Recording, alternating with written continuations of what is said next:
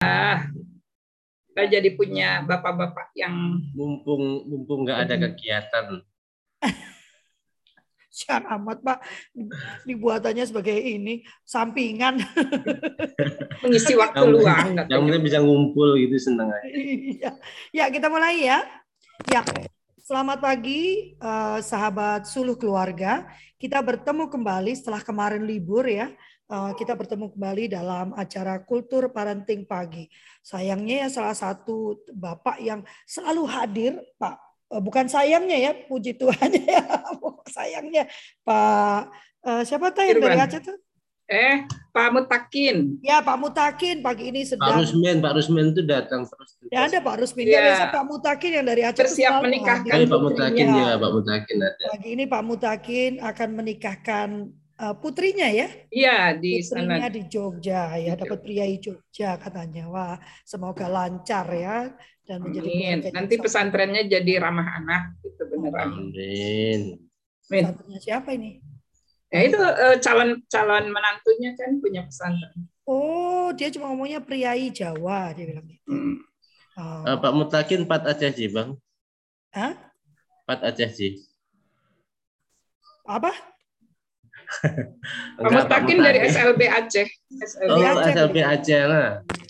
Lon lon katre Mbak Ina nah. Aku.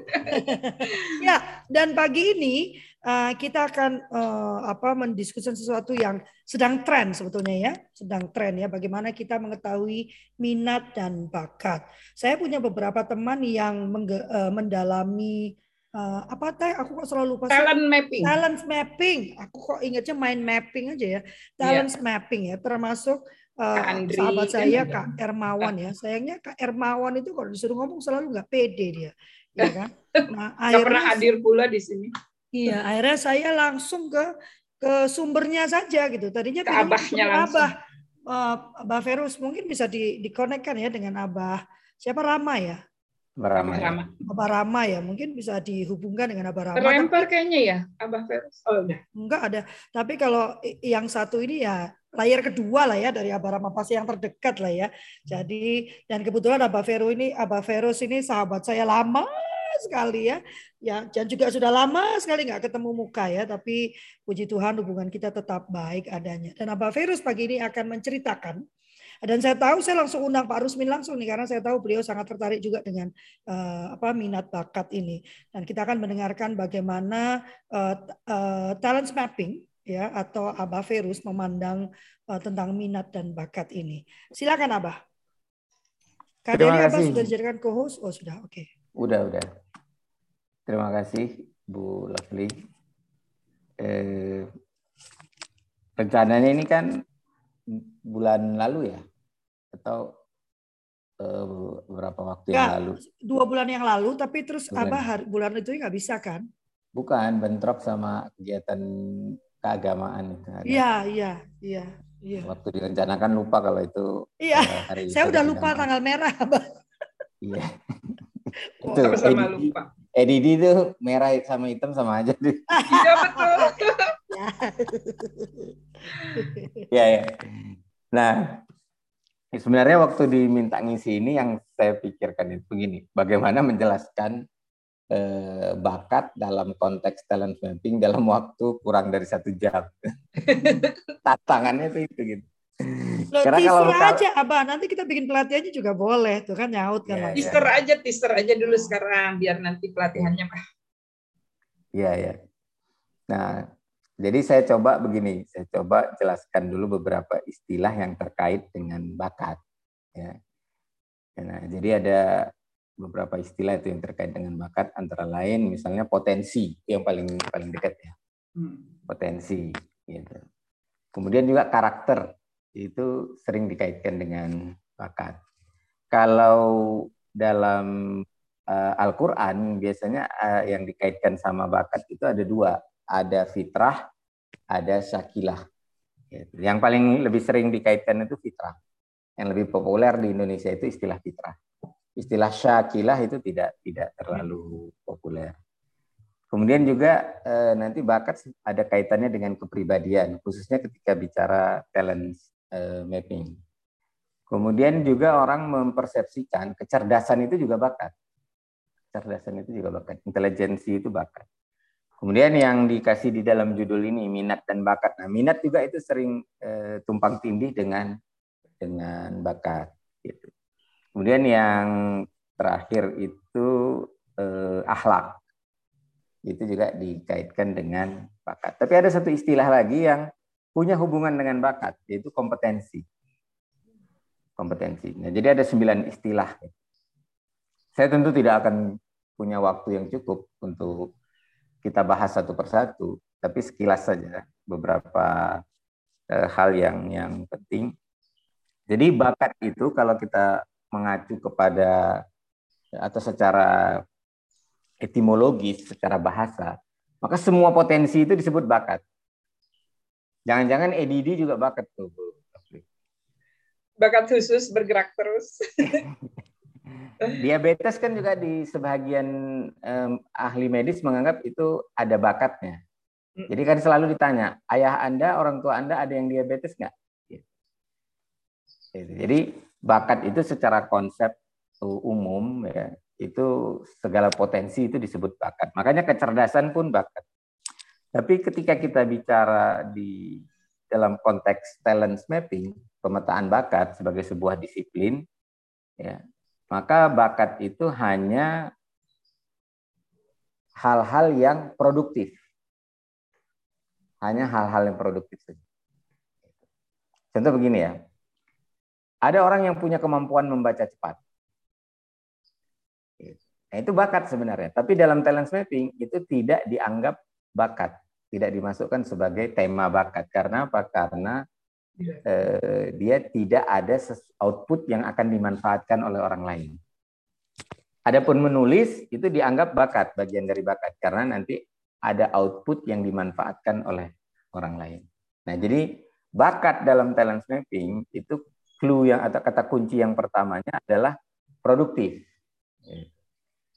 Nah, kemudian eh, kalau di masyarakat secara umum intelijensi, kecerdasan itu masuk kategori bakat, di dalam talent mapping bakat itu bukan kecerdasannya tetapi pola berpikirnya.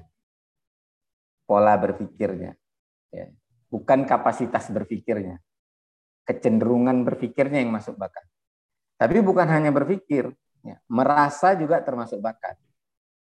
Gitu. Kemudian satu lagi bertindak atau beraksi itu termasuk bakat. Jadi eh, teori talent mapping itu kan mengacu kepada Gallup, lembaga riset yang ada di Amerika Serikat itu. Dia mendefinisikan pertama sekali bakat sebagai satu pola berpikir, merasa dan bertindak atau beraksi yang berulang-ulang ya, tidak dapat berubah-ubah secara alami. Gitu. Nah, jadi bakat juga di samping produktif dia tidak dapat diubah. Tidak dapat didesain oleh orang tua. Walaupun dalam dunia psikologi konsep bakat itu, nah ini kalau ada peserta yang psikolog, kalau saya salah silakan koreksi karena saya dari Fakultas Sastra, tapi belajar psikologi. Itu ada dua konsep bakat, ada talented, ada gifted. Gitu. Kalau talented itu artinya dia dibentuk, ya eh, sejak lahir dilatih ini dilatih ini sehingga performanya bagus, maka dibilang ini orang berbakat gitu. Sehingga bisa dikompeten apa bisa dikompetisikan seperti Indonesian Got Talent dan sebagainya. Tapi mazhab yang dianut talent mapping itu mazhab gifted. Bakat itu pemberian. Jadi tidak dapat diubah-ubah ya. Jadi tidak bisa dikompetisikan. Ya tidak bisa dikompetisikan. Nah, kalau kaitannya dengan kompetensi, nah ini mengacu kepada Spencer and Spencer, yang kata orang itu nabinya kompetensi. Dia adalah underlayingnya, underlying kompetensi. Kalau pakai teori iceberg, gunung es, kompetensi yang bentuknya berupa eh, apa knowledge, skill, dan attitude itu di atas gunung es, sedangkan di bawahnya itulah talent, bakat. Jadi dia underlying karakter disebut. Ya. underlying karakter. Itu bakat di dalam talent mapping. Jadi eh, bakat itu tentu mempengaruhi eh, karakter nanti. Karakter apa yang dipengaruhi? Nah, secara umum karakter bisa dibagi tiga. Pertama, karakter fisik. Kita semua punya telinga, tapi telinganya beda-beda. Kita punya dagu, punya hidung, tapi beda-beda. Nah, karakter kan sebenarnya uniqueness ya. Uniqueness. Kalau detailnya itu eh, disebut karakteristik. Detail of uniqueness itu karakteristik. Kalau karakter itu uniquenessnya. Sehingga bisa dibedakan si A dengan si B. Gitu. Anak kembar pun punya uniqueness sebenarnya. Cuman lebih susah melihatnya gitu. Nah itu secara fisik, karakter secara fisik, karakter fisik. Ya. Kalau di dunia komputer ada font karakter juga tuh. Karakter huruf, ada yang bold, ada yang italic. Tapi intinya dia keunikan yang membuat bisa dibedakan antara yang satu dengan yang lain. Itu karakter. Khususnya karakter fisik. Tapi di samping karakter fisik itu kan ada karakter mental. Gitu. Nah, karakter mental ini nanti dibagi dua lagi. Karakter mental yang eh, dapat diubah Nah, ini yang sering kita sebut sebagai akhlak dan karakter mental yang tidak dapat diubah. Nah, ini yang berkaitan dengan bakat atau disebutnya performance karakter dan moral karakter. Jadi moral karakter bisa diubah, misalnya dari baik jadi buruk, dari buruk jadi baik. Kalau talent mapping dia bicaranya bicara karakternya di performance karakter, karakter performa. Bicaranya bukan positif negatif tapi produktif atau tidak produktif. Nah, jadi bakat itu kata kuncinya tadi produktif. Nah, produktif itu bentuknya kan inside out, prosesnya ya. Prosesnya itu inside out, dari dalam diri keluar. Sedangkan kalau akademik, akademik itu outside in, dari luar ke dalam. Gitu. Nah, awalnya kalau kalau saya memperhatikan misalnya teori multiple intelligence yang berbasis juga pada konsep modalitas belajar. Modalitas belajar itu kan ada tiga. Ada kinestetik, auditorik, sama visual kan. Itu. Nah itu itu kan outside in. Bagaimana diri seseorang menyerap pengetahuan untuk dimasukkan dalam dirinya. Sedangkan bakat dalam talent mapping itu bicaranya cara proses inside out. Bagaimana potensi seseorang dikembangkan, kemudian diaktualisasikan sehingga ada output yang bisa dimanfaatkan oleh orang lain. Itu yang disebut produktivitas. Jadi bakat dalam talent mapping kaitannya dengan karakter, dia di ranah performance karakter. Dia tidak bicara karakter moral, tidak bicara positif negatif, tidak bicara baik baik buruk. Nah kembali tadi agak sedikit ke belakang tadi eh, karena mazhabnya gifted, maka dia lebih dikaitkan dengan fitrah. Fitrah itu adalah keadaan semula jadi. Orang Malaysia menyebutnya begitu, keadaan semula jadi. Jadi eh, atau setting default gitu. Kalau bahasa teknologinya setting default itu fitrah itu. Ya dalam bahasa Arab dia bermakna seperti itu setting default. Itu di samping dia tentunya potensi jadinya kan, tapi potensinya potensi bawaan, dia bukan asupan. Gitu. Kalau kompetensi itu asupan. Nah, bakat itu underlayingnya. Nah, sehingga kalau mau diharmonisasi, itu sebaiknya orang mengembangkan kompetensinya di atas potensinya. Kalau yang tidak punya bakat diagnosing, jangan jadi dokter. Gitu. Kompetensi menjadi dokter itu bisa aja dibangun sekalipun tidak punya bakat diagnosing, tapi nanti performanya akan rendah. Gitu. Kalau tidak deliberatif, tidak teliti, jangan jadi akuntan atau jangan bekerja di bidang keuangan. Soal dia punya kompetensi karena dilatih bisa aja, tapi kalau dia tidak punya underlying karakternya nanti performanya akan rendah. Nah, demikian konsep bakat di dalam talent mapping. Kalau bakat dalam arti umum tadi itu termasuk kecerdasan IQ. IQ itu sebenarnya bicaranya kan kapasitas. Baik kapasitas terpakai maupun kapasitas terpasang. Tapi kalau bakat ketika bicara eh, sebagai proses kognisi atau proses kognitif itu yang dibicarakan bukan kapasitasnya, yang diukur bukan kapasitasnya, tapi yang diukur adalah kecenderungannya. Ini orang cenderung berpikir kreatif atau berpikir prosedural. Ini orang cenderung menghayal atau cenderung melihat tempat dan waktu kontekstual. Gitu. Kalau dari segi berpikir. Kemudian kalau dari segi bersikap atau bertindak, ya atau beraksi, orang ini lebih suka bertindak beraksi di dalam ruang apa di luar ruang. Lebih suka bekerja dalam ruang apa luar ruang. Kalau dalam ruang berarti itu banyak ke administrasi, dokumentasi, jurnalistik, gitu ya, kebahasaan itu di dalam ruang. Kalau di luar ruang banyak pekerjaan-pekerjaan teknikal seperti assembling, building, delivering, eh, distributing, controlling gitu. Eh, quality controlling. Nah, itu yang di luar ruang. Nah, jadi kalau yang berpikir itu apakah kreatif atau prosedural, kalau tindakan artinya kecenderungan menggunakan motorik atau bersifat konatif itu bisa dibagi lagi menjadi dalam ruang dan luar ruang.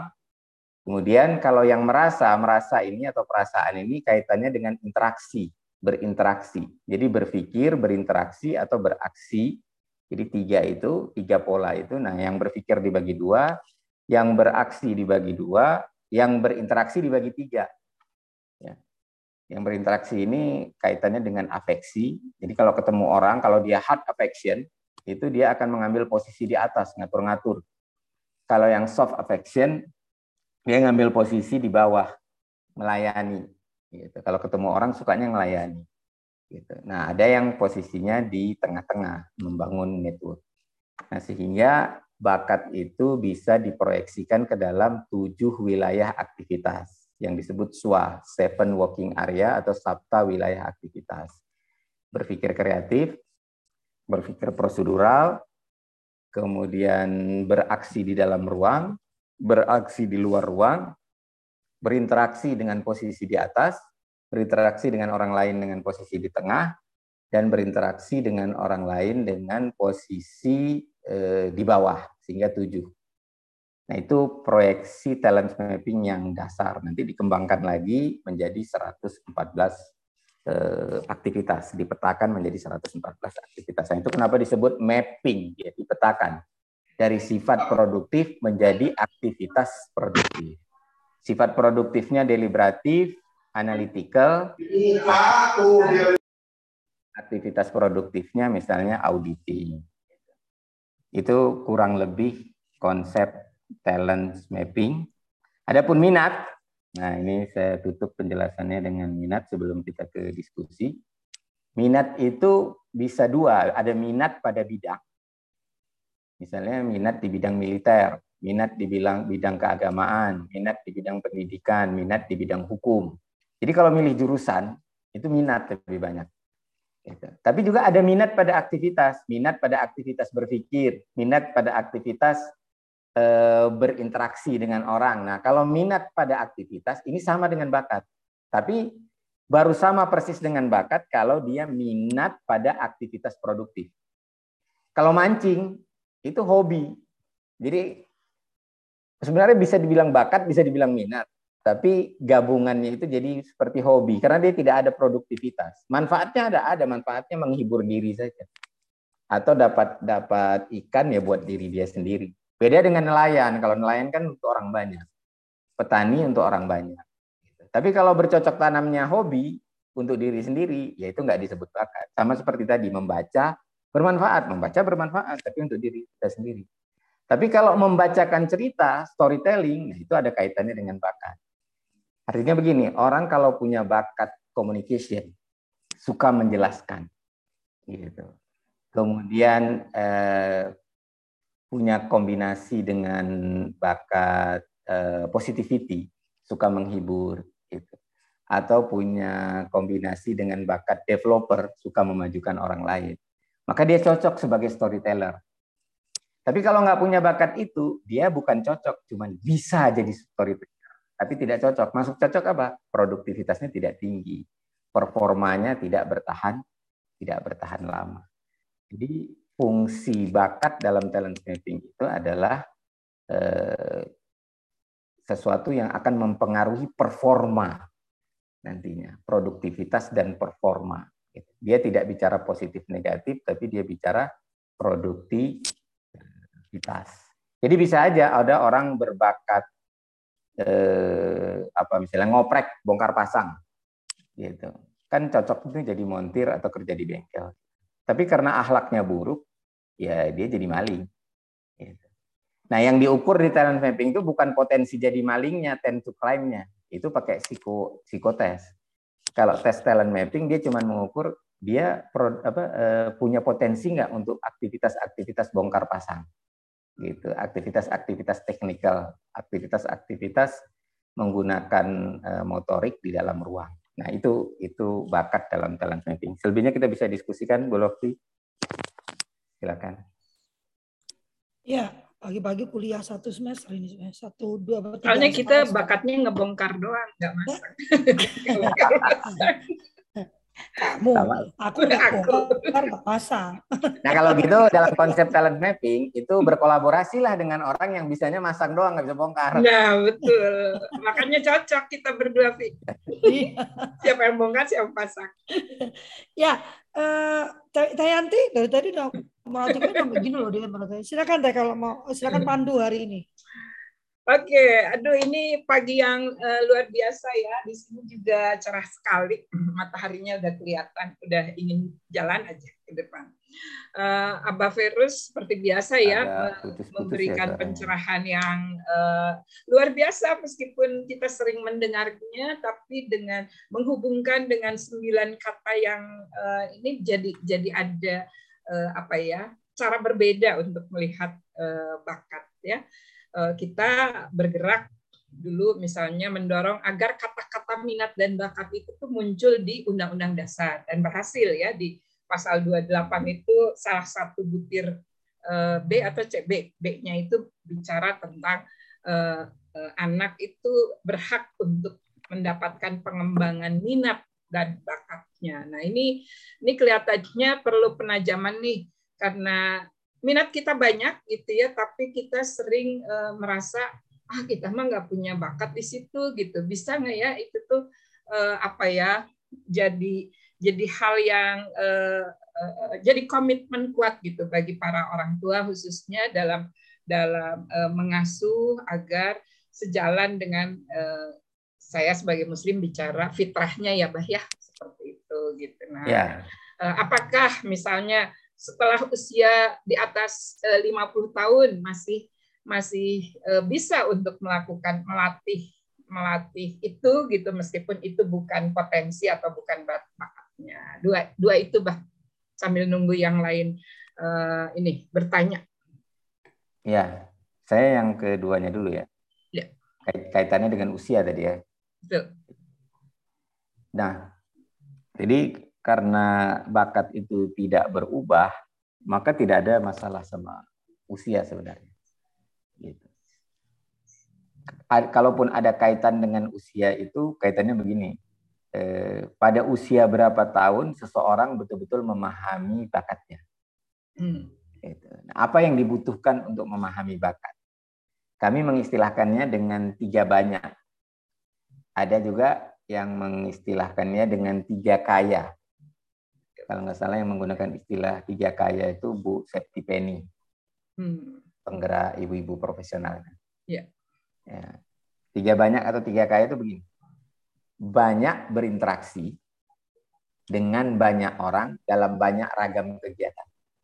Kalau sudah terpenuhi tiga banyak ini, maka dia akan mudah mengenali potensi kekuatannya.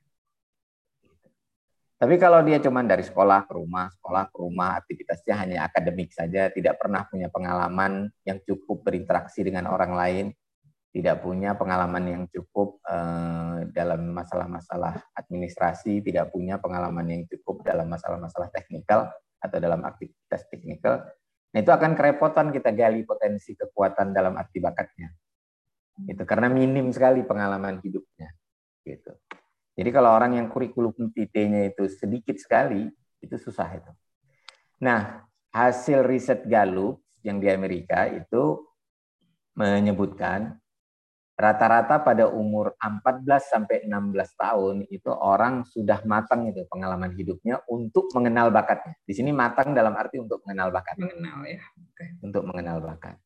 Jadi kapan paling pas orang digali bakatnya? Itu pada umur, kalau dengan pendekatan kuesioner ya, pada umur 14 sampai 16. Kalau di Asia rata-rata 16. Tapi Lebih kalau ya? sekolahnya kaya pengalaman, lebih lambat ya. Karena sekolahnya lebih pro kognisio full akademik ya. Kalau full akademik lebih, kurang lebih pengalaman lambat. belajarnya. kurang pengalaman. Tapi pernah diuji cobakan di anak-anak sekolah alam, itu umur 12 tahun itu validitas Ya. dan reliabilitasnya tinggi. Karena sekolahnya eh, memfasilitasi anak-anak itu tiga banyak tadi, banyak berinteraksi dengan Perjumpaan banyak yang banyak itu ya. banyak ya, dengan banyak eh, apa lingkungan. Gitu. Jadi lebih bisa mengenal dirinya. Itu kalau dikaitkan dengan usia ya. Usia satu untuk menggali bakatnya. Kemudian untuk mengembangkan bakatnya kapan? Ini juga nggak ada batasnya. Di Astra talent mapping itu dipakai malah untuk orang pensiun. Hmm, nah itu Alasan benar-benar. ini ini alasannya begini. MPP-nya ya masa persiapan pensiunnya Iya. gitu ya. jadi udah kuliah salah jurusan, kerja tidak sesuai bakat, masa setelah pensiun masih stres lagi. Gitu. Karena orang kalau bekerja tidak sesuai bakatnya, dia tidak punya intrinsic eh, motivation. Mm-mm. Gitu. Nggak Kalau nggak punya intrinsic motivation, bisa sih bisa aja kayak tadi. Jadi akuntan, tapi tidak punya bakat deliberatif, tidak punya bakat teliti. Itu sangat capek tuh. Gitu. Hmm. Secara skill dia punya, tapi dorongan dari dalamnya enggak. Jadi kalau kerja capek. Bahkan ada yang setiap hari Ahad itu masuk rumah sakit. Karena bayangin hari Senin akan ngaudit sekian banyak dokumen. Saking saking ngerinya gitu ya. Saking ya, saking stres karena tidak ada intrinsic motivation. Dia semangat bekerja Hmm. karena extrinsic motivation karena gajinya 11.000 dolar. Wah. Ini kejadian kisah nyata. Setelah talent mapping dia banting setir jadi dosen akuntansi.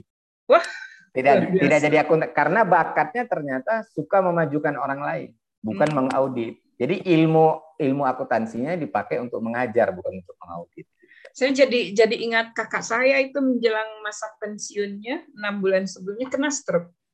Kena stroke terus eh, ya itu katanya karena beban kerja yang eh, di luar batas kemampuannya gitu. Saya Iya. pikir itu salah satu ini Bisa ya. jadi ya, bisa jadi. Hmm. Kalau saya, makanya tadi waktu Bu Lovely nyaranin atau mengusulkan ngumpulin teman-teman, nah saya itu kalau ngumpulin teman-teman dalam satu event besar itu tiga, eh, saya setelah itu masuk rumah sakit bisa tiga hari. Oh. Guard saya kambuh. Iya, udah berapa kali itu terjadi. Karena saya nggak punya bakat ranger. Ranger tuh orang yang suka mengkonsolidasikan sumber daya. Oh, Karena saya nggak bakat, walaupun saya bisa, tapi saya Lalu tidak punya jadi intrinsic motivation, maka saya lelah sekali. Gitu. Oh Ya, itu. iya, saya Itu. saya kelelahan karena banyak di rumah karena biasanya di luar terus. jadi jadi kelelahan segala skala terasa. Iya. Nah, Kak Vivi Iya. sudah raise hand. Silakan Kak Vivi. Iya. Ada yang mau ditanyakan atau mau dibagi? Ya, eh, terima kasih. Apa eh, ini memang topik yang bagus sekali karena memang eh, talent mapping ini kemarin anak saya yang besar itu pada saat usia 16 tahun memang saya ikutkan talent mapping. Jadi supaya dia tahu bakatnya di mana karena memang anaknya introvert banget.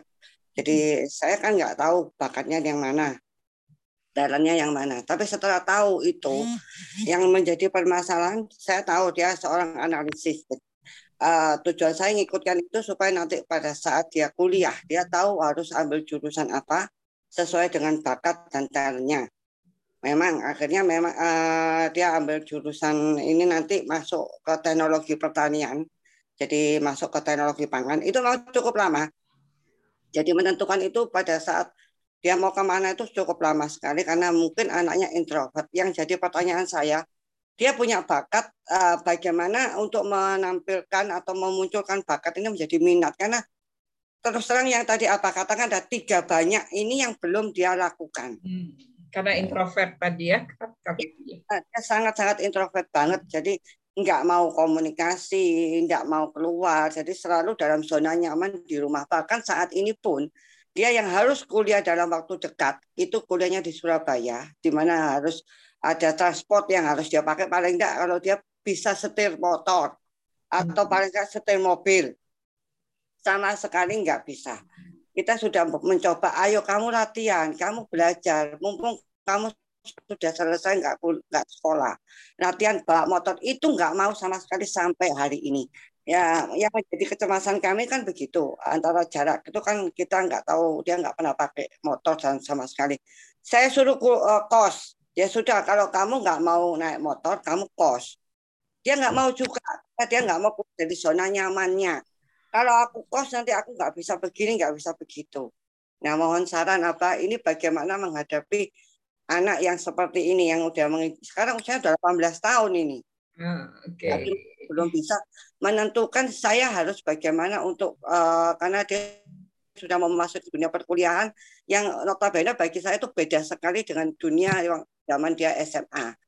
Oke, okay, Kak Vivi. Uh, Abah kita tampung dulu pertanyaannya. Boleh, boleh, nah, boleh, boleh, ada, boleh tampung. Ada dua lagi soalnya yang raise hand sama yang uh, di chat room. Saya bacakan dulu hmm. yang di chat room nanti ke Kak Arya ya yang raise hand. Kak tanya kalau anak sering menghayal atau bengong di sekolah, tidak fokus, berantakan, lebih senang nonton. Kalau begini bakat yang cocok di profesi apa ya Kak? Aduh, ini gejala umum ini. Silakan Kak Aryo sampaikan pertanyaan atau komentarnya. Singkat dan jelas ya Kak. Saya? Iya. Oh iya ya, alhamdulillah. oh baik saya ingin menguatkan aja gitu kan tentang uh, intelligence itu kan tadi kan ada kaitannya dengan uh, body kemudian dengan musikal ya visual hmm. spesial gitu kan kemudian juga uh, perlu adanya interpersonal yaitu komunikasi uh, antara orang-orang uh, di dekatnya gitu dan itu juga didorong oleh uh, apa namanya interpersonalnya sendiri jadi hmm. dorongan dari hati itu bakat itu kan sebenarnya kan dari dasar itu dari awal dari lahir itu sudah tercipta gitu. Itu namanya bakat gitu. Sehingga tidak akan tidak akan bisa dihilangkan dari uh, kehidupan orang itu sendiri atau kehidupan kita gitu. Hmm. Sehingga uh, kapan sih ya sewaktu-waktu pasti akan muncul gitu. Tapi uh, perlu diasah kembali atau perlu diingatkan, perlu digali kembali karena apa misalnya nih uh, tentang uh, body smartnya kekuatan gitu kan. Kalau dia itu sebenarnya mampu nih, tapi kalau nggak dilatih tentunya uh, akan terjadi kompleks ya apa konflik malah terjadi konflik di dalam dirinya gitu. Kemudian uh, tentang terkait dengan kemampuan gitu kan kemampuan itu diasah dan itu jika didasarkan dari bakat itu. Karena saya setuju banget dengan uh, Bapak Paras bilang tadi bahwa uh, kita itu melakukan sesuatu itu ya jangan hanya dilihat dari kemampuan aja gitu kan. Tapi kembali lagi bakatnya itu didukung oleh kemampuan gitu sehingga akan lebih lebih bagus itu hasil kerjanya gitu. Contoh contohnya dokter kalau dari awal aja dia itu nggak suka dengan bidang kedokteran gitu kan. Tapi dia, uh, dia punya kemampuan sih tapi di dalam bekerjanya nanti pasti akan terjadi uh, ketidaksenangan gitu. Berat, itu ya? mungkin ya, seperti itu ya bu ya, ya betul. nah uh, seperti yang kalau nggak salah sih ya di dalam surat al isra ayat 17 itu dikatakan bahwa uh, apa ya orang itu akan bekerja, akan melakukan sesuatu sesuai dengan kemampuan, dengan bakatnya yang lahir, yang tidak akan pernah hilang dari hidupannya. Gitu. Oke. Okay. Ya gitu ya. Mungkin seperti itu dan yang yang saya perlu tanyakan bagaimana caranya untuk mengenali bakat seseorang gitu kan, hmm. yang dari awal uh, kalau dari TK itu kan dari coretan-coretan mungkin kak ya dari coretan itu sudah terlihat secara psikologisnya oh ini bakatnya ke sini loh. Itu bisa dilihat. Mungkin seperti itu pak. Mungkin bisa dikasih eh, penguatan pada kami tentang uh, bagaimana mengenali bakat anak seperti itu. Makasih Oke, silakan Kak eh, Abah Ferus dari Kak Vivi, Kak Tom dan Kak Aryo. Ya, eh, pertama dari Kak Vivi dulu ya. ya Ini Kak maaf Vivi. saya geser-geser kamera bentar. Okay. Karena ada yang saya mau konekkan tapi nggak berhasil berhasil yang dari dari tadi. Tadinya saya mau mau presentasikan uh, slide, ya. uh, uh, tapi nggak berhasil berhasil nih. Atau dikirim ke Calofly slide-nya nanti coba ditayangkan. Oh, boleh boleh nanti ya. Nah, saya tanggapin ini dulu dari Siap. tentang anak yang tadi introvert, iya. zona nyaman. Itu kata kunci kata kunci yang uh, saya catat tadi. Jadi begini, talent mapping itu dia hanya mengukur bakat. Dia hanya mengukur bakat. Nah, kalau mau lengkap memotret seseorang, itu tidak cukup cuman menggunakan talent mapping. Talent mapping itu hanya mengukur potensi produktivitasnya dan petanya ke mana. Hmm. Peta. Makanya disebut mapping, not just map. Kalau map itu kan cuman di mana. Kalau mapping itu kan ke mana. Ada projection dia. Nah, jadi di mana bakatnya itu bicaranya sifat gitu. Ke mana pengembangannya itu bicaranya aktivitas. Nah kumpulan aktivitas itu nanti jadi peran gitu disebutnya menjadi role gitu. Itu. Nah sehingga kalau ada anak introvert maka dia harus di apa namanya kalau kalau mau mengatakan anak itu introvert mengukur ya seseorang itu introvert atau tidak maka toolsnya beda talent mapping nggak bisa tuh mengukur itu gitu. Dia tidak bisa ngukur itu. Itu biasanya orang makainya psikotes. Ya. Pakainya psikotes gitu. Atau MDPI walaupun dibuat oleh bukan psikolog tapi kemudian dia mengambil ilmu psikologi yang buat itu si apa itu Meyers apa Meyers itu. Nah, itu juga dia bicara tentang introvert dan extrovert gitu. Jadi ngukurnya ke situ. Kemudian kalau zona nyaman juga itu nggak bisa diukur dengan talent mapping. Artinya apa? Artinya gini, coba gunakan tools lain untuk melihat permasalahan itu. Itu apakah masalah atau malah potensi yang positif justru? Ya. Gitu. Nah itu dulu. Ya. E, jadi butuh e, tools lain itu untuk melihatnya, atau paling ya. tidak butuh pendekatan lain, gitu. Bukan pendekatan e, talent mapping. Talent mapping itu begini, kalau kejurusan dia begini jadi setelah diketahui dia cocok aktivitas-aktivitas apa saja, maka aktivitas itu membutuhkan dukungan kompetensi apa? Gitu. Misalnya untuk dilatih, dia, gitu ya. Ya, untuk dilatih dikembangkan. Misalnya ini anak berpotensi memajukan orang lain, berpotensi eh, mengajar, berpotensi memotivasi, gitu, ber, berpotensi melakukan aktivitas mentoring Nah, ini kan cocoknya di dunia pendidikan nih. Hmm. Gitu. Maka sebaiknya dia ngambil jurusan-jurusan ilmu kependidik kependidikan. Sehingga dia punya kompetensi yang dibangun di atas dasar potensi bakat produktifnya. Jangan begini nih, ini potensinya, ini kompetensinya, nggak nyambung. Bisa bisa aja, tapi yang bagus kan gini. Sehingga tadi yang dikatakan eh, Pak Arya tadi, dia punya motivasi intrinsik yang mendukung ini ketika bekerja nantinya ketika beraktivitas gitu ya kemudian eh, anak suka menghayal nah suka menghayal ini bisa diukur dalam talent mapping kalau menghayalnya produktif itu disebut bakat futuristik namanya dia kalau berpikir jauh ke depan kepalanya sering di atas awan hmm. nanti di bawahnya ada anak strategik berpikirnya ke depan tapi nggak jauh banget, nggak sampai menghayal. Nah ini untuk kerja-kerja manajerial, strategi. Cocok juga jadi politisi misalnya. Kemudian di bawahnya lagi ada yang berpikirnya ideation, suka menggagas. Nah ini jangka pendek, problem solusi, problem solusi gitu. Ya, nah ini cocok misalnya untuk eh, aktivitas-aktivitas seni rupa. Jadi ya kuliahnya di di seni rupa atau di eh, aktivitas atau langsung mengembangkan potensi keseniannya misalnya. Kalau didukung dengan bakat fisik misalnya melukis dan lain sebagainya gitu. Ya, jadi memang eh, tidak bisa buru-buru ya, tidak bisa buru-buru mengatakan ini anak begini kamu harus ambil jurusan ini, tidak. Kasih kasih waktu supaya dia yang memutuskan. Ini paling penting ya. Karena nanti gini, ini kaitannya dengan leadership. Jangan orang tuanya yang memutuskan, karena ini hasil tes kamu ini kamu harus jadi dokter. Padahal dia sendiri merasa oh, nggak cocok jadi dokter gitu berat. Gitu. Jadi biarkan si anak yang memutuskan karena itu bagian dari leadership education ya pendidikan leadership. Jangan karena karena kita sangat yakin bakat anak kita itu A, kemudian leadershipnya kita cabut, gitu ya. ya kita pindahkan ke kita, ya nggak mungkin dong mati leadershipnya dia. Ya, jadi eh, ini yang dari dari chat tadi ya dengan ya. Bu atau Mbak atau Kak siapa? Ya itu jadi kita lihat dulu lebih lanjut gitu. Nah, yang dilihat apa? Yang dilihat itu aktivitas produktifnya. Menghayal, menghayalnya produktif nggak? Apa yang keluar dari hayalannya? Misalnya karya fiksi. Gitu. Hmm. Nah, itu produktif. Atau komik gitu ya. Itu kan Atau komik, iya, gitu. Tapi kalau menghayal dalam arti bengong, ya ini tidak produktif. Jadi nggak bisa dibilang bakat. Bengong ini, menghayal dan bengong.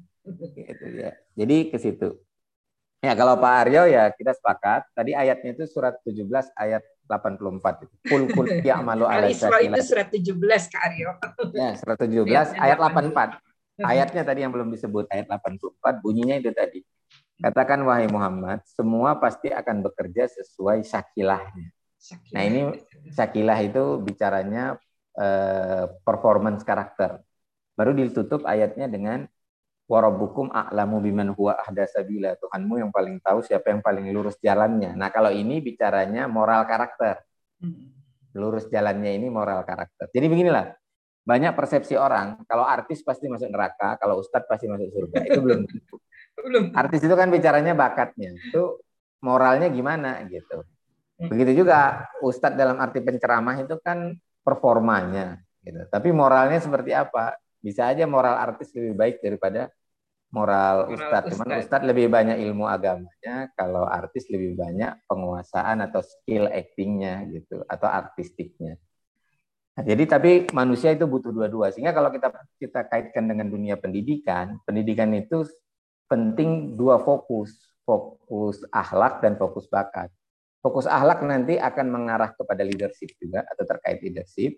Fokus bakat akan terkait dengan entrepreneurship. Jadi entrepreneurship seseorang itu bentuknya ya, karakternya atau tipologi entrepreneurshipnya itu ada kaitan sama bakatnya. Gitu. Nah, leadership seseorang basisnya itu harus akhlak gitu. Okay. Begitu kurang lebih.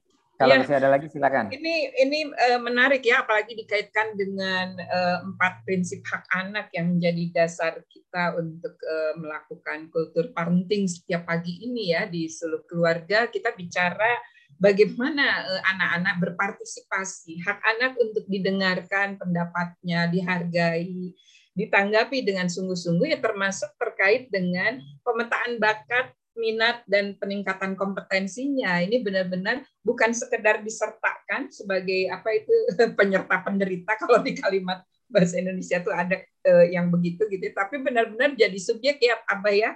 Jadi orang yang memang uh, apa sih menemukan kalau Kak Aryo tadi bilang eh, hal-hal yang intrinsik di dalam dirinya gitu ya dengan itu dia kemudian melatih kompeten lebih kompeten lagi di situ sehingga dia bisa muncul jiwa entrepreneurnya gitu bukan sebagai perusak alam tapi justru sebagai pemakmur di bumi ini. Oh Kak Tom eh, tanya lagi nih, Kak boleh cerita bagaimana mengukur dan menemukan orang yang dari pengalaman tadi seorang auditor ternyata dia malah lebih cocok sebagai dosen akuntansi. Wah ini talent mapping nih diceritakan oleh Abah. Silakan Mbak sambil nunggu yang resen.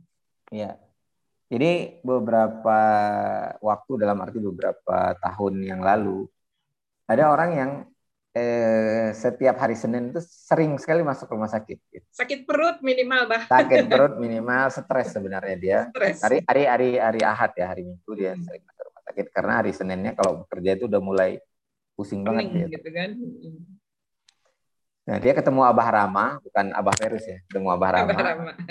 Nah, dia disarankan ikut tes talent mapping. Setelah tes talent mapping, ternyata bakatnya developer. Developer ini bukan bangun perumahan ya, tapi suka memajukan orang, human development. Ya. Development ya. Bukan estate development ya, tapi human development. Human development. Ya, suka memajukan orang lain. Nah, terus diketahui juga bakat deliberatifnya itu rendah banget urutannya ke 30 hmm. ke bawah gitu kan ada 34 tema bakat dia di bawah di urutan ke-30 itu de, apa uh, deliberatif. Jadi kalau orang yang tidak punya kecenderungan berpikir atau bersik, bertindak teliti disuruh Susah mengaudit, audit butuh ketelitian, pasti stres banget itu. Gitu. Nah setelah dia tahu itu dia banting setir. Nah ternyata dia menjadi doktor akuntansi itu mau mau bapaknya. Hmm. kemauan bapaknya. Dia udah berkali-kali bilang saya nggak cocok, nggak suka. Tapi bapaknya dorong terus ya dia ngikut lah. Anak namanya anak ya ada kecenderungan gitu ngikut. Tapi begitu akhirnya stres. Walaupun gajinya itu 11 ribu US dollar. Gitu. Nah kemudian banting setir jadi dosen, gajinya jadi jutaan cuman rupiah. Tapi nggak pernah masuk rumah sakit lagi dan happy terus gitu. Malah lebih sehat ya. Sehat. Itu Jadi uangnya sama aja sebenarnya. Kalau belasan ribu juga dipakai buat rumah sakit, mendingan jutaan rupiah tapi sehat lah gitu. Iya, nah kemudian itu, itu kisahnya ya, kisahnya seperti itu. Jadi eh, ya, gitu. semakin sesuai pekerjaan kita, profesi kita, bisnis kita dengan bakat kita, eh, kita semakin enjoy. Hmm. Maka tolong ukur bakat dalam arti aktivitasnya ya, bukan sifat produktif. Aktivitas produktifnya. Aktivitas gitu. produktifnya itu diukur dengan istilah 4 I. Enjoy, easy, excellent, earn. Enjoy artinya dia ber, apa, uh, menikmati aktivitas tersebut. Easy artinya dia lebih mudah melakukannya dibandingkan aktivitas lain. Gitu. Excellent itu artinya karyanya nanti outputnya itu prima. Gitu. Ya. Kemudian yang terakhir earn. Earn ini kalau secara letter luck terjemahannya itu menghasilkan ya. Menghasilkan. Tapi yang dimaksud di sini manfaat, memberi manfaat. Maka dia menghasilkan. Gitu. Ya. Nah, jadi empat ini yang diukur. Kalau tidak earn itu hanya hobi. Enjoy, easy, excellent itu biasanya hobi. Gitu. Kalau tidak enjoy tetapi easy, biasanya easy-nya juga kurang ya. Tapi excellent tetap dengan susah payah, kemudian excellent, kemudian earn dapat. Nah, ini yang disebut kompetensi. Gitu. Nah, sebaiknya kan ada underlying dari kompetensi itu bakat yang membuat dia enjoy sehingga hidupnya bahagia gitu ya. Oh bahagia banget. Eh ini ada ada yang raise hand terakhir ya. berarti ya kita punya waktu 4 menit. Kak Rusmin silakan. Ya, uh, Magi, makasih banget Abah, uh, luar biasa. Uh, saya sangat apa uh, bersyukur lah bisa bisa dengar apa yang Abah tadi jelasin ya. Mungkin Pak Ed, Pak Ed itu kayak ikigai ya, mirip-mirip. Ya, mirip-mirip. Ya, mirip ikigai. Nah, uh, saya sangat-sangat tertarik. Mungkin pertanyaannya mungkin apa kayak uh, saya juga lagi mau coba gitu karena saya kebetulan di bidang uh, pendidikan ya. Nah jadi saya juga melihat bahwa saya pribadi korban gitu. Karena saya nggak ngenalin diri saya pribadi apa yang saya mau bakat segala rupanya akhirnya saya jadi sekarang ini gitu. Sebenarnya saya merasa kalau wah dari dulu udah tahu lebih terarah lah gitu. Dan saya lihat juga banyak juga yang anak-anak zaman sekarang juga mengalami hal yang sama. Jadi saya tuh uh, berkeinginan gitu uh, buat satu aplikasi tentang minat bakat ini. Mungkin pertanyaannya adalah uh, saya pengen lebih tahu tentang talent mapping di mana saya bisa dapat banyak informasi itu atau mungkin bagaimana saya bisa berkolaborasi atau apa pun juga lah yang berhubungan dengan talent mapping itu. Saya pengen pengen bisa bisa tuh ya kali-kali saya bisa membantu banyak orang supaya jangan senasib dengan saya. Gitu loh, Bah. Makasih banyak, Abah. Ya, sama-sama. Terima kasih juga. langsung, Bah. Ini uh, termasuk ya. saya, Bah, kuliah di farmasi, tapi kerjanya di perlindungan anak dan pendidikan. Silakan. Iya, iya. Kamu. Ya, aku. Ah, curhat nih ya. Harus. Silakan, Bah. Oke. Okay. Uh, banyak yang seperti itu. Hasil ini ada riset loh, risetnya tapi memang udah agak lama ya, tahun 2006 kalau nggak salah. Itu 2006 atau 2007 87 persen mahasiswa Indonesia salah jurusan. Ya. Nah, tapi belum ada riset tentang pekerjaan.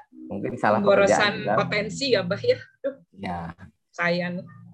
Nah, tapi gini, kalau saya mengajak teman-teman semuanya, termasuk diri saya sendiri itu supaya positive thinking aja. Ya. Positive thinking itu artinya begini. Tidak ada masa lalu yang sia-sia kecuali kita sia-siakan. Ya, tidak ada masa lalu yang sia-sia kecuali kita sia-siakan. Jadi masa lalu itu bisa kita kapitalisasi. Ya, pengalaman hidup kita, pengetahuan kita, gelar akademik kita, ilmu pengetahuan yang kita dapat ketika kuliah dulu, itu kita kapitalisasi saja. Cuman kita pakainya begini, untuk melangkah ke depan sesuai dengan bakat kita, dengan potensi kekuatan kita. Sehingga kita punya produktivitas.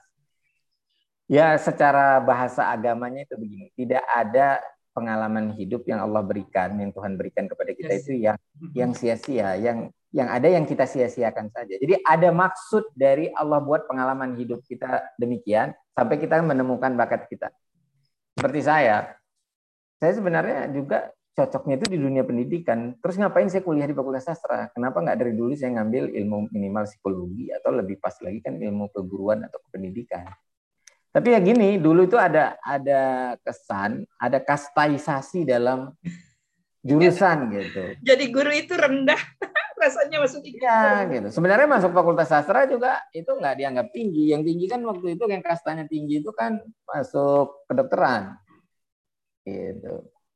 Nah, itu kan satu satu apa ya, satu yang merancukan ya, untuk mendistorsi pilihan jurusan waktu itu.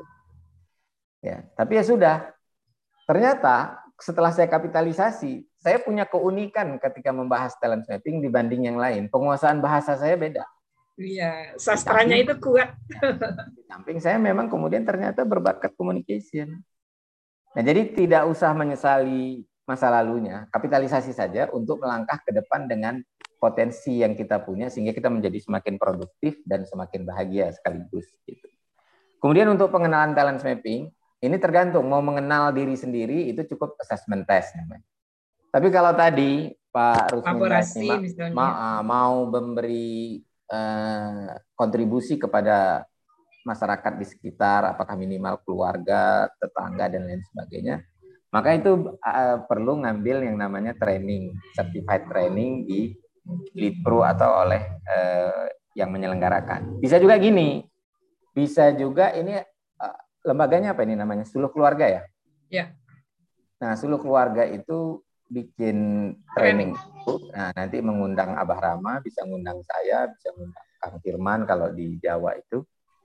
Ditangkap. Langsung. Langsung minta jadwal. Ya. Jadi bisanya kapan, Abah? Mm -hmm. Langsung. Bisa, kalau saya relatif relatif agak luang sih waktunya. Saya Alhamdulillah. Ayo, Karena saya saya bukan event organizer, waktu saya disibukkan orang, saya nggak iya. nyibukkan. kita tarik, kita tarik. Nah, jadi silakan nanti eh, sehingga nanti statusnya berubah menjadi praktisi. Kalau menjadi praktisi bisa melayani orang yang mau tes TM. Ya, ini ini ada kaitannya bah dengan pertanyaan terakhir Kak Tommy Apakah ya. ada assessment untuk talent mapping dan minat bakat dari assessment Abah? Kalau ada bisa dihubungi di mana dan berapa biayanya? Terima kasih. Yang sekaligus ya, Bah ya, sekaligus uh, closing ya. Tuh hmm. banyak yang mau ikut, Bah. Ayo, Bah, nggak apa-apa di hmm. sini disampaikan. Kak, Kak, sebentar, Kak. Kenapa, Kak Aryo? Satu uh, menit tadi ya. sebelum aneh, karena ada pertanyaan tadi dari Ibu siapa ya tadi ya?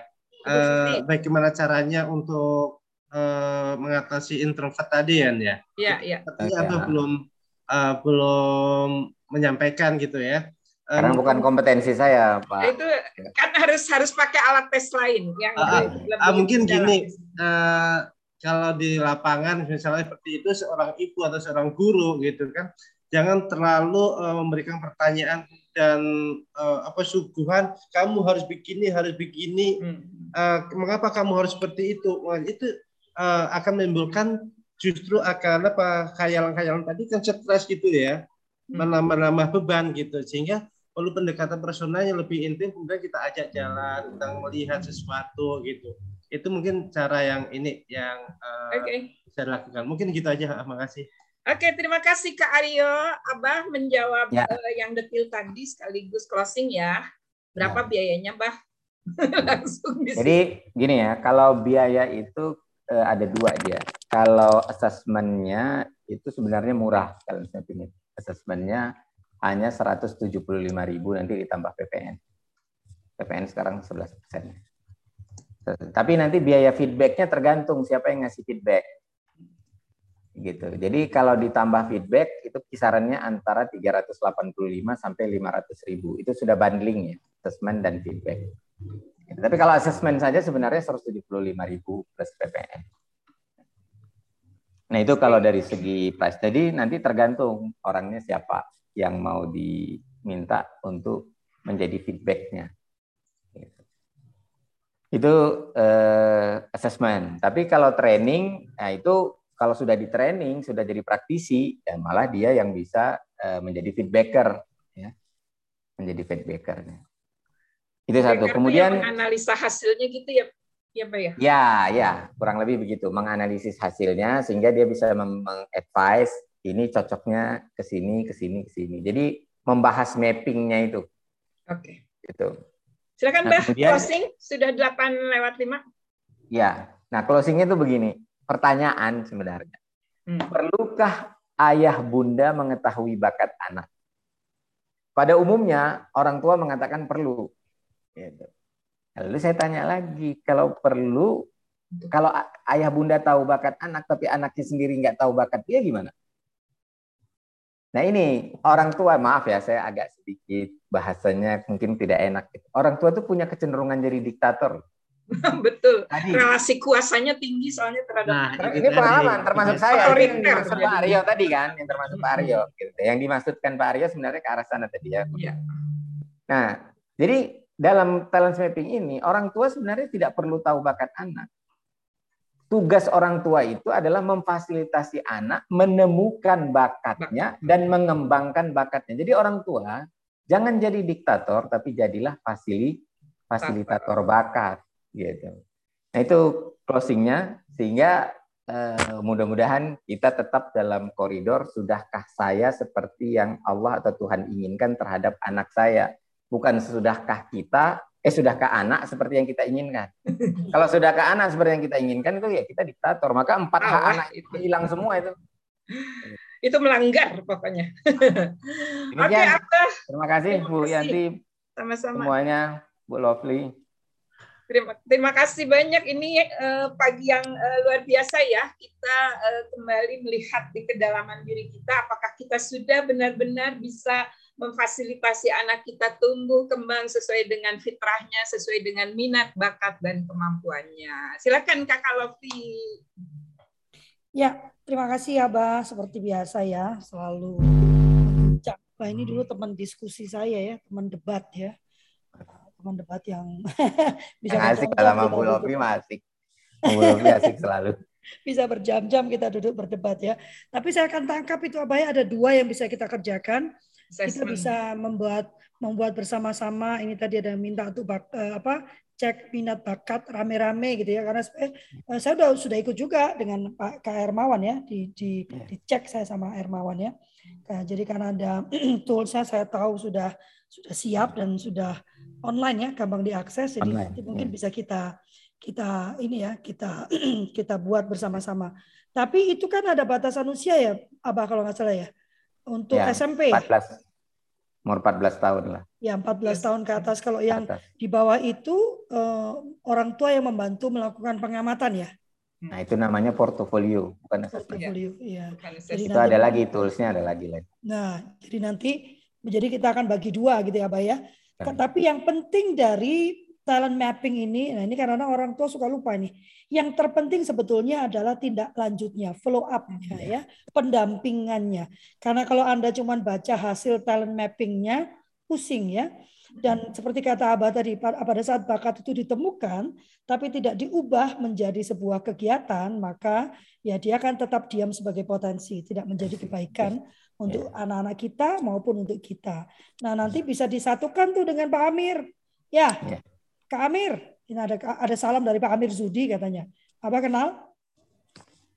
Mungkin kalau ketemu kenal. Pak Amir makanya buka ketemu. buka kamera dong. Tadi tadi ada Bu, Mbak atau Bu Nisrina itu mungkin saya kenal juga. Ada Bu Nisrina ya, Bu Kak Nisrina. Nah, Pak, kalau Pak Amir, Pak Amir itu uh, lihatnya langit-langit Pak Amir. Nah, Salam itu dia Abah. Selamat pagi. Ada lagi selesai bersih-bersih ini, Mbak. Pak Amir ini uh, gerakannya neuroparenting. Nah, nanti Senin oh, beliau mantap, nih Uh, apa uh, beliau nih yang akan berbicara. Jadi mungkin bisa kita padukan Pak Amir ya dari talent mapping yang dibuatkan, ditemani lalu uh, secara neuro bagaimana kita mengembangkan anak itu menjadi, potensinya menjadi aksi gitu ya. Karena kalau sama si potensi doang mah ya percuma ya Pak Amir ya. Ini udah jadi ya. satu program sendiri tuh Pak Amir ya. Nanti kita iya, ngobrolnya. Ya, ini sangat menarik ya dari uh, Abah Virus ya. Uh, saya juga bersahabatan dengan Abah Rama juga, sangat menarik. Oh. Uh, meskipun uh, dalam beberapa kajian-kajian uh,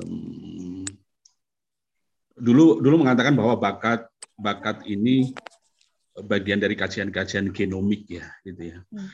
Cuma sampai sekarang masih diobrak-abrik di tingkat gen ya.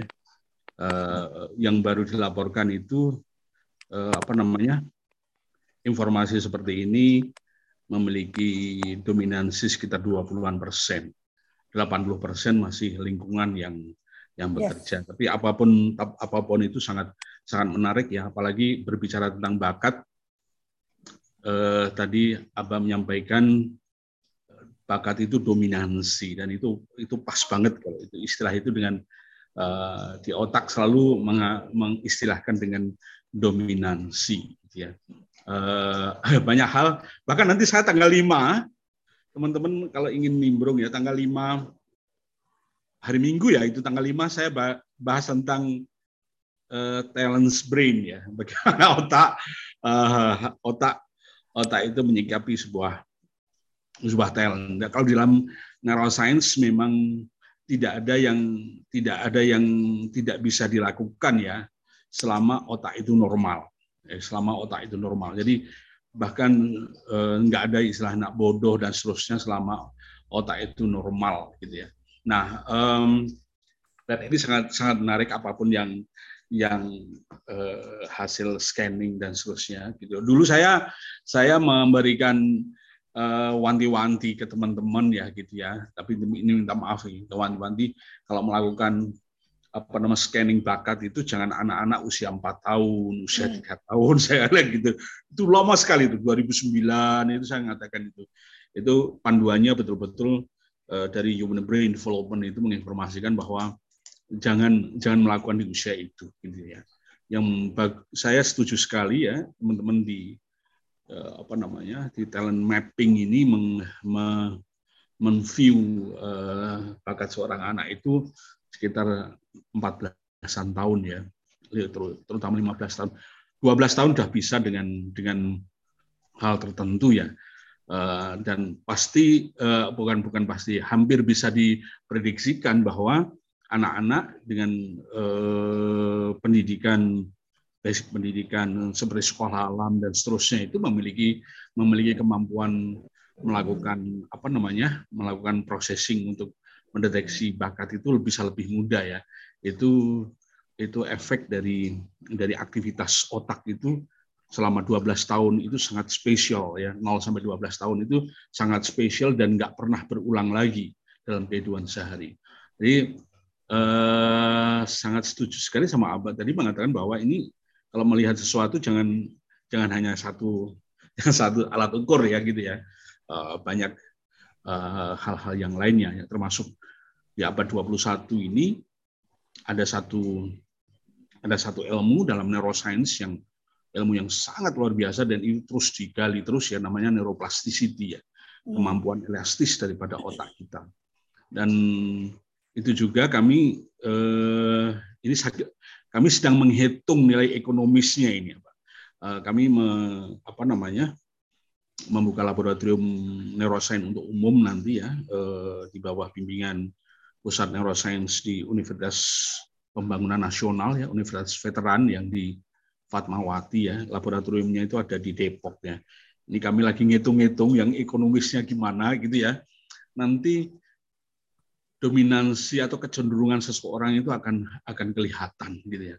Kalau di dalam neuroscience kalau misalnya seseorang itu hari ini cenderung A bukan tidak mungkin suatu saat dia akan cenderung B atau C. Cuma pengalaman A atau B atau C itu seperti closing dari Abah tadi semuanya bermanfaat gitu ya. Karena apa namanya eh, begitu begitu spesialnya apa namanya eh, proses neuroplasticity itu ya.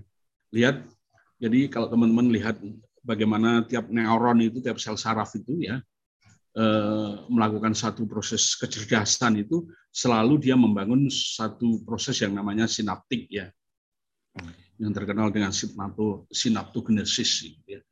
Kalau Elon Musk dia melakukan satu konsep belajar itu seperti pohon terus kemudian cabangnya mengikat gitu kalau neuron, neuron sebenarnya ikatannya itu di akarnya, gitu ya, bukan di cabangnya, gitu ya. Jadi eh, neuron sendiri juga memberikan pembelajaran kalau kalau Anda ingin belajar sesuatu, dominansinya Anda di mana, itu dominansi itu mengisi body neuron sama aksonnya, sementara dendritnya itu melakukan ikatan-ikatan dengan dengan akson yang lain. Nah, pemahaman terhadap dominansi terhadap seseorang itu akan sangat bagus sekali untuk membangun kaitan-kaitannya untuk mengantung untuk membangun sinaptogenesis sambungan-sambungan di tingkat dendrit dengan ilmu-ilmu yang lain sehingga ini ini kelihatannya bisa kuliah keluap sendiri nih. Maaf ini ya, saya kita tantang saya Kak Amir. Nah, eh, memang Iya. kan Pak Kak Dan- Amir dan ini sudah berikan Kak. satu kali satu bulan ya khusus Nah, parenting. berarti Jadi pas bagian Kamir nanti Nah. kita menggali lebih Iya. banyak. Amir. Saya jadi jadi Jadi Bapak eh, siapkan waktu yang- kuliah di farmasi. Ya, Ini Bapak siapkan buat satu kali satu bulan untuk untuk karena saya bersepakat. Jadi kita punya Pak Amir, kita punya Kak Ane Kak Ane Garcia ya yang sama-sama bicara tentang neuro neuroscience ya. Eh, sebetulnya ada juga Pak Dokter Bagus ya. Kalau Dokter Bagus dia bicara dari lahir ya bahkan dari sebelum lahir sampai ke tiga, eh, 100 hari pertama kehidupan. Sayangnya beliau sedang sibuk keliling. Ya, eh, kita tutup ya sudah 15 menit ini. terima kasih. Salam buat Iya. semuanya. Iya, ini eh, eh, apa kita akan segera susun ya. Eh, eh, Pak Aryo, eh, gini, kenapa Lovely belum turun ke offline? Eh, saya saya kasih rahasianya ya. Offline itu membutuhkan modal yang sangat besar, ya, membutuhkan modal yang sangat besar. Sehingga nanti eh, jatuhnya ke teman-teman akan besar juga, gitu kan? Karena nggak mungkin modal saya nggak balik, terus teman-teman nggak mendapatkan sedikit uang lelah, gitu kan? Nah, kalau online saya bisa lebih murah gitu ya, Abah ya. Dan eh, memang seperti ilmu dokter bagus tidak bisa dibuat online ya, dia harus offline. Itu yang kenapa saya kesulitan melakukan pelatihan keduanya. Tetapi selama itu bisa dibuat online, itu yang pertama harga ya, eh, efisiensi. Yang kedua, jangkauan saya lebih luas kalau saya melakukannya online teman-teman yang ada di Aceh, teman-teman yang ada di Medan, di mana pun mereka berada bisa turut serta. Jadi percepatan eh, apa nama itu abah? Percepatan pe- pelebaran ilmu ya. Jadi kita supaya nggak jangan orang Jakarta saja, orang Jawa saja yang menikmati ilmu-ilmunya eh, dokter eh, apa eh, Amir misalnya ya dan Abah gitu ya. Tetapi saya Pemerataan bisa- peradaban. Iya, betul. Jadi sampai ke ujung sana itu mendengarkan yang sama dengan kita yang ada di Pulau Jawa. Itu mungkin ya. Ya, kita akan segera bentuk dan kita mau foto dulu ya. Yep, Tadi siap. sampai 24 orang luar biasa, Abah. Ya, daya tariknya luar biasa rupanya. Kita berikan hati dulu supaya Kak Deli bisa memotret. Ya, teman-teman yang perempuan, kita siang ini ada coaching session ya untuk operet ya. Silakan bergabung, saya akan bagikan segera dan itu tertutup ya karena coaching session jadi tertutup tidak akan dilanjutkan ke YouTube. Silakan Kak Deli. Sudah? Tuh, mana Kak Deli? Oke. Jangan-jangan dia ada di kamar mandi dia. Ya. Oke, terima kasih banyak eh, atas nama kami Sama-sama. semua kami mengucapkan terima kasih Abah. Bulan depan Sama-sama. gabung lagi ya. Kita cari kok Ya, apa, pasti banyak topik yang bisa digali dari Abah ini ya. Eh, lalu eh, kita juga bisa apa eh, bergabung lagi di hari Senin. Senin kita akan bertemu dengan Dr. Amir ya. Dr. Amir Zuhdi ya, beliau akan bicara khusus tentang neuroparenting dengan topik-topik tertentu pasti ya. Saya agak lupa topiknya nanti saya akan bagikan. Dan bagi sahabat-sahabat yang tertarik, Kak Lovely, saya punya sesuatu yang mau dibagikan. Monggo ya, kultur parenting itu dibuat sebagai platform. Karena saya percaya parenting itu tidak ada satu kata yang benar gitu ya, Abah ya. Tidak ada satu yang saklek untuk semua gitu ya. Tetapi eh, tiap orang punya visi misi dan tata nilai yang berbeda-beda. Oleh sebab itu, kultur parenting diadakan untuk menyediakan pilihan-pilihan ya sehingga teman-teman bisa memilih mana yang sesuai dengan visi misi keluarga dan tata nilai keluarga. Hanya satu garis merahnya kami berusaha keras agar parenting kita menjaga dan melindungi hak-hak anak kita. Ya, terima kasih banyak. Kami mohon maaf apabila, apabila ada pernyataan perkataan yang kurang berkenan. Kami tidak ingin menyakiti, tidak ingin merendahkan, tidak ingin memojokkan, tidak ingin menghakimi, bahkan tidak ingin menggurui. Kami hanya ingin membagikan apa yang menjadi keyakinan kami dan ini yang paling penting yang kami kerjakan juga di dalam kehidupan kami sehari-hari. Terima kasih. Wassalamualaikum warahmatullahi wabarakatuh. Waalaikumsalam warahmatullahi wabarakatuh. Terima kasih. ya pertemuannya ya. Terima kasih. Terima kasih kalau Fuli, Kak Yanti, Terima kasih Kak Diana. Oh, ada Kak Diana. Kak Tom, terima kasih. ya. Asal Kak Sami, Kak Dokter Amir. Sehat Saya pamit ya. Lapar. Sama. Terima kasih. Jangan lupa sarapan. Eh, ini mau sarapan. Belum masih ngopi tadi, Kak. Ini ada sayur. Nunjukin mangkoknya ya. aja. Kak Yanti, Sayur. kita sayurnya meeting mana? jam 9 ya. Ada- Jangan lupa ya. Ada pakai wortel tuh, Kak Yanti. Iya, nih sayurnya nih. Nih Kak Yanti, Ya. Kak Yanti kita meeting jam 9, jangan lupa. Iya, ya, aku ada ada meeting dengan Pemprov Jabar. Khusus ya itu ya. Iya, SBM Sulu Bangsa Muli. Ya. Makasih ya, saya pamit ya. Terima kasih. Yuk, live ya. Yuk.